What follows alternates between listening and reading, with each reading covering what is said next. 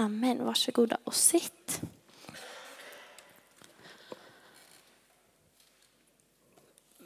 Evangelietexten för eh, dagens tema är hämtad från Lukas kapitel 18, vers 31 till 43. Vi läser. Jesus tog de tolv åt sidan och sa till dem, se vi går upp till Jerusalem och allt som är skrivet om Människosonen genom profeterna ska gå i uppfyllelse. Han ska utlämnas åt hedningarna. De ska håna och skymfa honom, spotta på honom, gissla honom och döda honom. Och på tredje dagen ska han uppstå. Men lärjungarna förstod ingenting av detta. Det var fördolt för dem och de fattade inte vad han menade. När Jesus närmade sig Jeriko satt en blind man vid vägen och tiggde. Han hörde folk gå förbi och frågade vad som hände. Man berättade för honom att Jesus från Nasaret gick förbi. Och då ropade han, Jesus, Davids son, förbarma dig över mig. De som gick främst sa åt honom att vara tyst. Men han ropade bara ännu mer, Davids son, förbarma dig över mig. Jesus stannade och befallde att mannen skulle ledas fram till honom. När han kom närmare frågade Jesus, vad vill du att jag ska göra för dig? Han svarade, Herre gör så att jag kan se igen. Jesus sa till honom, du får din syn, din tro har frälst dig. Genast kunde han se och han följde Jesus och prisade Gud. Och allt folket som såg det prisade Gud. Så lyder det heliga evangeliet. Lovad vare du Kristus. Eh, ska vi be tillsammans? Tack Gud för ditt ord. Tack helige Ande att du är eh, närvarande på den här platsen. Vi välkomnar dig att, att ha centrum, att få tala till oss idag. Eh, helige Ande, vi ber att du ska uppenbara ordet för oss. Jag ber för alla hjärtan här inne att vi ska få ha öppna hjärtan så att vi kan vara tillgängliga för det som du vill göra här ikväll. Tack att du är nära och tack att du vill tala, tala till oss ikväll. Amen. Temat för idag är, eh, som Ida sa tidigare, kärlekens väg. Och innan vi fortsätter dyka ner och tala om de här texterna som jag precis har läst så tänkte jag att vi ska reda ut lite vad kärlek är och vad kärlek eh, inte är. Och eh, jag gillar Melodifestivalen. Det är inte alla som gör, men eh, vi kan vara vänner ändå. Men nu är det ju faktiskt Melodifestivalen tider, så alla som gillar det är nog glada för det inklusive jag. Men eh, i alla fall så för, jag tror det var tre år sedan, eller fyra år sedan, så var det en kille som heter Björn Gustafsson som var programledare. Någon som vet vem Björn Gustafsson är? Några? Det var kanske fler än tre år sedan. Ja. Han är i alla fall en svensk komiker som är eh, ganska rolig. Mm. Eh, och eh, vi ska kolla på ett litet klipp från eh, när han var programledare för Melodifestivalen när han pratar om eh, vad kärlek är. Så vi kollar på det. Vad, vad är kärlek?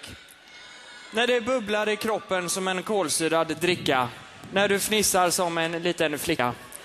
När man känner något man can't deny. When the eagles fly over mountain high. När all oro är som bortblåst och försvunnen. När Simba återvänder i Lejonkungen. När man bara drar replik för att slippa krångla. Min pappa är rik, vill du hångla? Om man spärrar upp sina ögon och tittar bak med huvudet ut, då ser man galen ut. Det har egentligen inte hit att höra, det är bara en grej man kan göra. Eh, när jag dansat med Elin en sommarnatt lång och vi satt på en parkbänk, jag var kär, hon drack rom. När Elin sa att jag var den vackraste som finns såg in i mina ögon och kräktes på mina jeans. Våga styr som en kapten, våga fall som ett löv, våga chansa och se hur det går. Vad är fegt, vad är mod, what is love? Baby don't hurt me, don't hurt me no more. Från en afton som doftar lite YMCA, tack Göteborg, ni är kärlek för mig. Yes. Tack Björn Gustafsson för den definitionen av kärlek. Ehm, han definierar faktiskt kärlek här och även om man gör det med en väldigt skämtsam ton eh, så ligger det någonting i det och ligger någonting i vad samhällets eh, syn på kärlek är idag. Eh, det är känslostyrt. Eh, det handlar om att få tillfredsställelse för det egna livet. Kärlek är när man känner någonting som man can't deny, som Björn uttrycker det. Kärleken är, vad kan jag få, vad kan jag få? Hur kan jag uppleva bubblande kittlande. Liksom. Eh, och kärleken beskrivs inte riktigt på samma sätt i Bibeln som Björn Gustafsson beskriver det här. Eh, och vi ska försöka reda ut lite ikväll eh, vad kärleken är enligt Bibeln. Och framförallt hur det ser ut när man vandrar på kärlekens väg. Magnus Malm heter en, en kristen författare.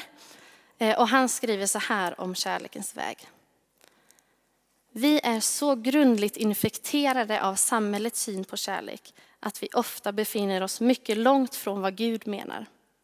När man kan använda ordet älska om en bil eller en semla och som synonymt med samlag och häftig förälskelse, då är det inte konstigt att även kristna människor blir förvirrade inför vad det hela handlar om. Ordet har ju förvrängts 180 grader.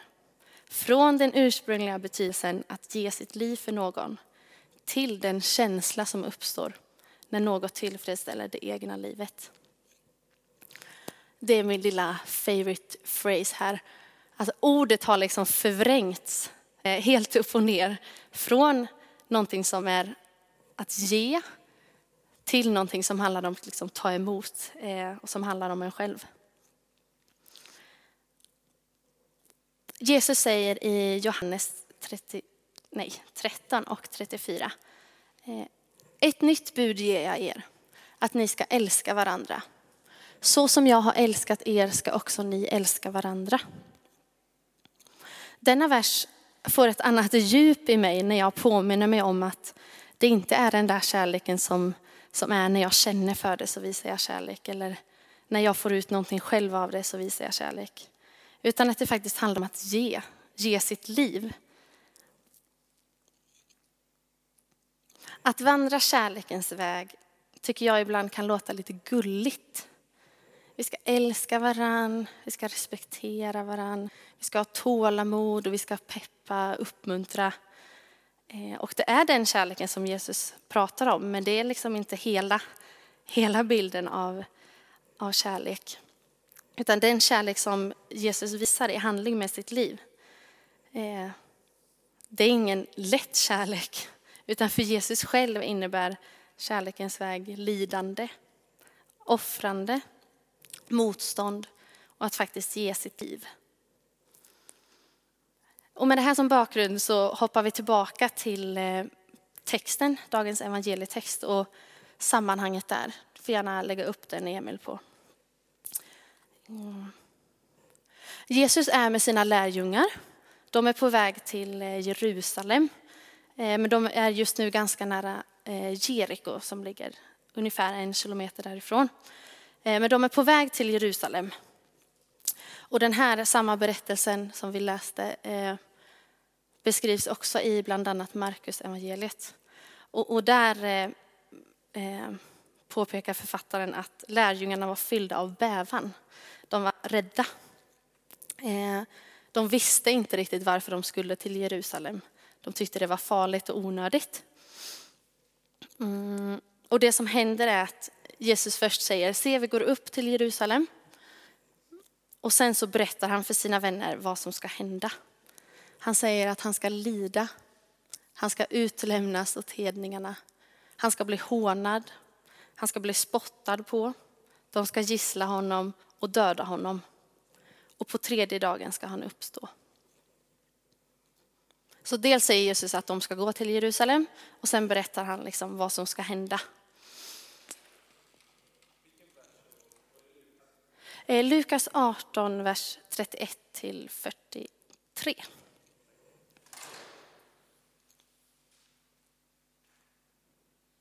Och så står det på slutet att de fattade inte vad han menade. Och det tänker jag inte är så konstigt att lärjungarna inte fattade. Deras vän som de har vandrat med tillsammans i flera år börjar liksom prata så här lustigt. Det är tredje gången som Jesus börjar prata om, att, om det som ska hända, om att han ska dö. Eh, och de fattar liksom ingenting.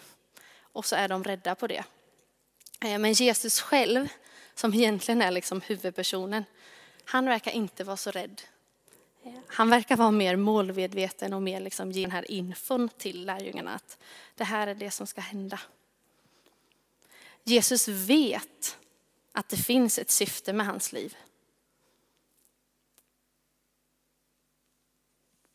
Jesus var medveten om att han har fått ett uppdrag från Fadern. Syftet att rädda världen genom sitt eget liv. Ingen annan fattade och så alla var liksom rädda och, och stressade. Men Jesus han var lugn och han visste vad som skulle hända. Eh, I texten så, så när Jesus förutsäger vad som ska hända så säger han att eh, Människosonen ska utlämnas. Eh, och jag tar upp lite det här ordet. Och eh, den svenska översättningen för det ordet utlämnas tycker jag är lite smalt. Ehm, jag googlar vad utlämna, liksom definitionen på utlämna betyder och det är eh, att lämna utan skydd. Så när Jesus säger att människosonen ska utlämnas, han ska lämnas utan skydd Eh, till hedningarna, till dem som vill han, honom illa. Men det grekiska ordet som jag inte kommer uttala, men jag hänvisar till Benjamin, han kan grekiska. Så då kan man gå till Benjamin efteråt om man vill eh, snacka lite mer om det. Eh, det grekiska ordet kan översättas till både utlämnas eller också utges. Och i en bibelversion så är det ungefär lika många gånger som det här grekiska ordet översätts till utlämnas som till utges. Eh, och jag tycker att eh, kompletterar man utlämnas, alltså att lämna utan skydd, med det här utges så blir det lite mer ett val. Eh. Utlämnas blir mer deppigt och smärtsamt och nedstämt. Men lägger man till liksom utges till det ordet så blir det en annan betydelse. Jesus väljer att ge sig själv, att låta sig utges, att låta sig utlämnas. Och det är ett kärlekens val.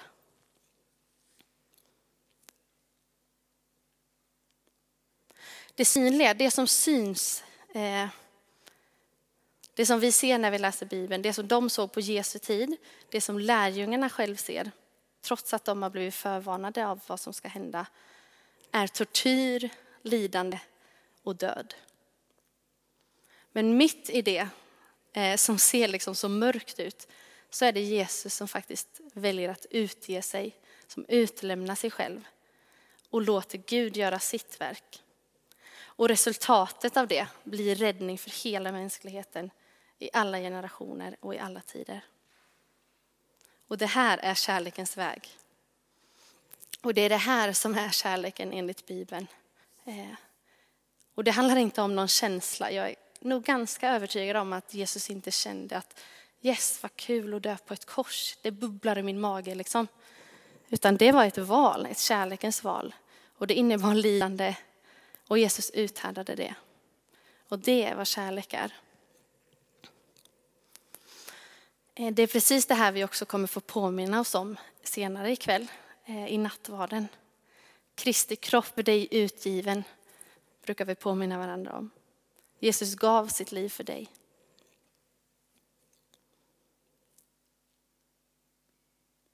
Jesus var medveten om uppdraget han hade fått från Fadern. Han förutsäger det nästan profetiskt här i texten. Och Jesus håller fast vid det uppdraget. Trots lidande, trots svek, trots orättvis behandling. Han valde kärlekens väg liksom från början och var trogen ända till slutet. Paulus beskriver det här så bra i Filipperbrevet eh, kapitel 2, vers 6-8. Han, alltså Jesus, Jesus ägde Guds gestalt, men vakade inte över sin jämlikhet med Gud, utan avstod från allt och antog en tjänares gestalt då han blev som en av oss. När han till det yttre hade blivit människa gjorde han sig ödmjuk och var lydig ända till döden. Döden på ett kors.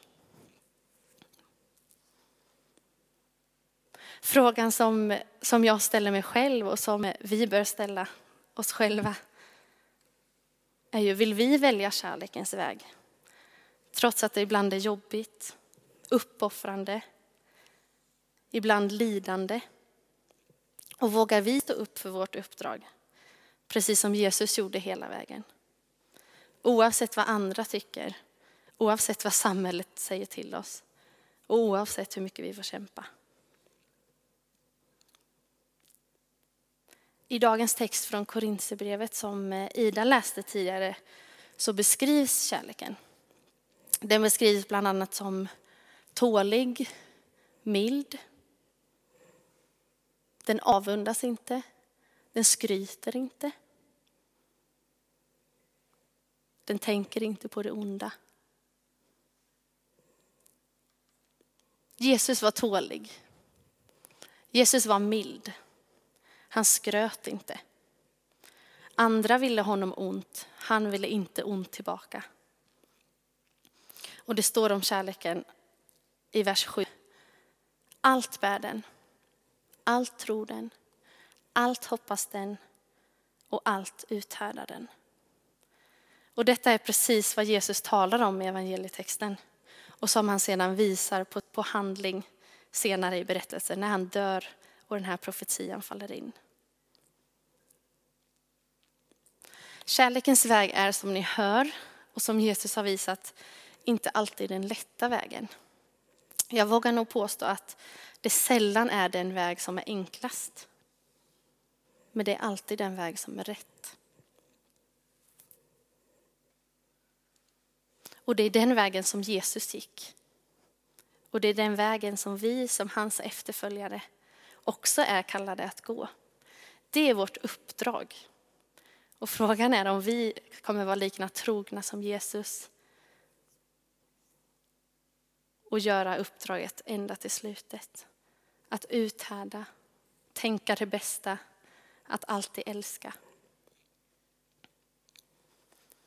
Den ultimata kärleken, den visar Jesus i och med lidandet och döden på korset.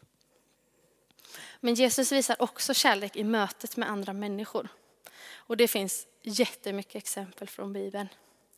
Men den, det exemplet som jag tänkte ha är det som vi läste tidigare i evangelietexten. Så Jesus har förutsagt att han ska lida och sen fortsätter de vandra, kommer och de är väg, på väg mot Jerusalem. Och eh, de stöter på en blind man som sitter och tigger. Och han, han märker att det kommer folk, liksom, så han frågar vad är det som händer. Så fick han det berättat för sig att Jesus är i närheten. Då ropar mannen på Jesus. Jesus, Davids son, förbarma dig över mig. De andra lärjungarna bara, shh, stör inte Jesus liksom. Men då han ropar ännu högre. Davids son, förbarma dig över mig. Jesus stannar och så ber han att mannen ska komma till honom.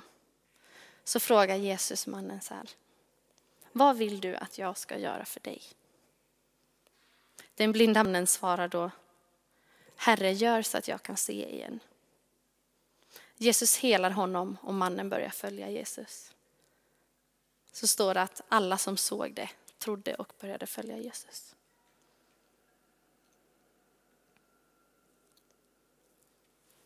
Det som händer är att när Jesus hör mannens rop så stannar han och så ber han att han ska komma.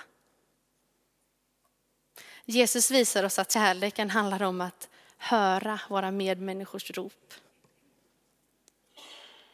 Eller kanske framför allt är det att lyssna till medmänniskornas rop. Jag tror att vi ofta hör, att vi ofta vet vad våra medmänniskor behöver eller på vilket sätt vi kan visa dem kärlek. Utmaningen ligger i att lyssna och agera därefter.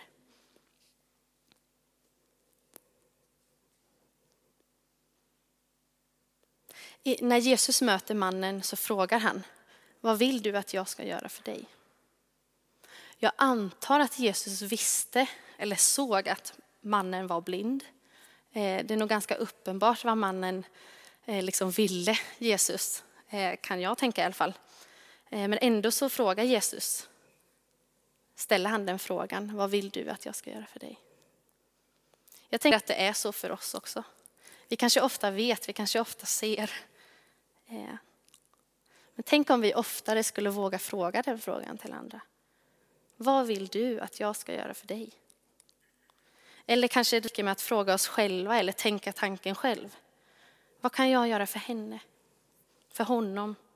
För den där familjen? För den där ensamma killen eller tjejen?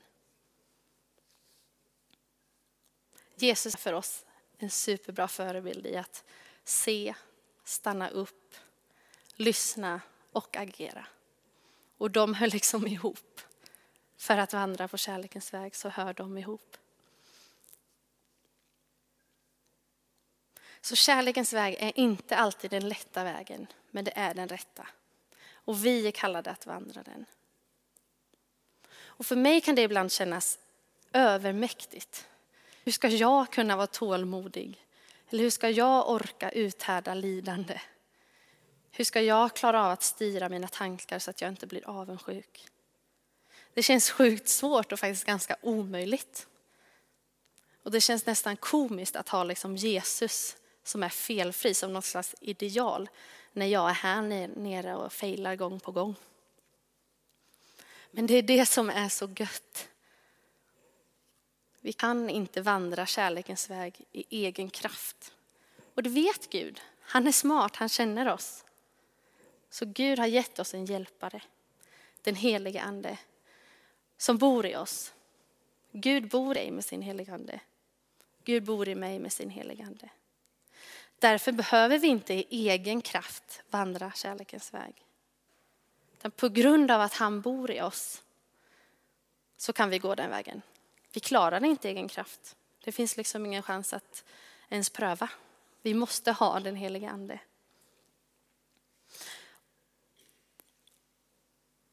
När vi har den heliga ande i oss, vilket vi har, så innebär det att vi har en kraft till att vilja göra det som är Guds vilja, till att vilja gå kärlekens väg. Och när vi har den heliga ande i oss så innebär det att han ger oss kraft att leva efter den längtan, leva efter den viljan. Så vi har det rätt bra faktiskt. Vi har liksom den där extra boosten. Så jag vill utmana dig ikväll, jag vill utmana mig, jag vill utmana oss som församling att var tacksamma till Jesus som världens bästa förebild i att vandra kärlekens väg. Jag vill utmana oss att ge den helige ande som bor i oss mandatet och auktoriteten att styra våra tankar och styra våra hjärtan. Och ge oss kraft att uthärda lidande. Att träna oss i tålmodighet. Att ge oss kraft att slutföra vårt uppdrag och vara trogna Gud hela vägen. Precis som Jesus var. Och jag vill utmana oss specifikt den här veckan. Att våga tänka eller fråga när vi möter andra människor. Vad vill du att jag ska göra för dig? Om vi gör det så kommer, kommer Göteborg att förändras. Då kommer medmänniskorna i din i din närhet känna att det här är en person som bara lyser av kärlek. Och det som är gött är att det inte handlar om vår prestation utan att vi kan helt och hållet ge helig ande auktoritet. Och så sker det liksom per automatik när vi ger, ger honom mandatet och visar vår villighet till honom. Då kommer det att vina igenom. Eh, ska vi stå upp tillsammans?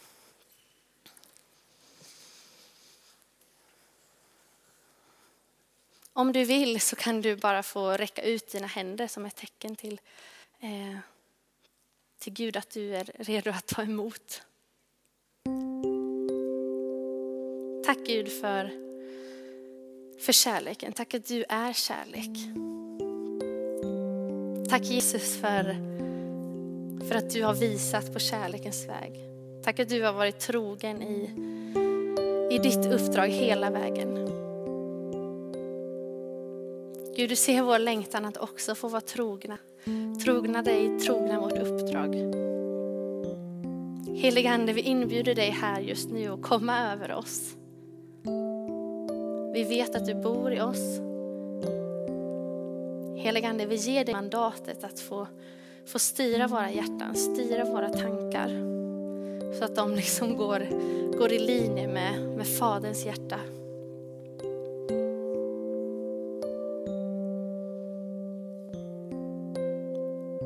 Gud, ge oss dina ögon så att vi får se på våra medmänniskor så som du ser på dem.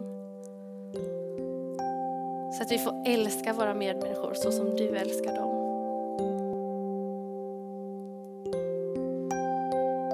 Gud, vi vill se ett förändrat Göteborg. Och vi vill vara, vara dina redskap i att förändra Göteborg. Visa mer kärlek.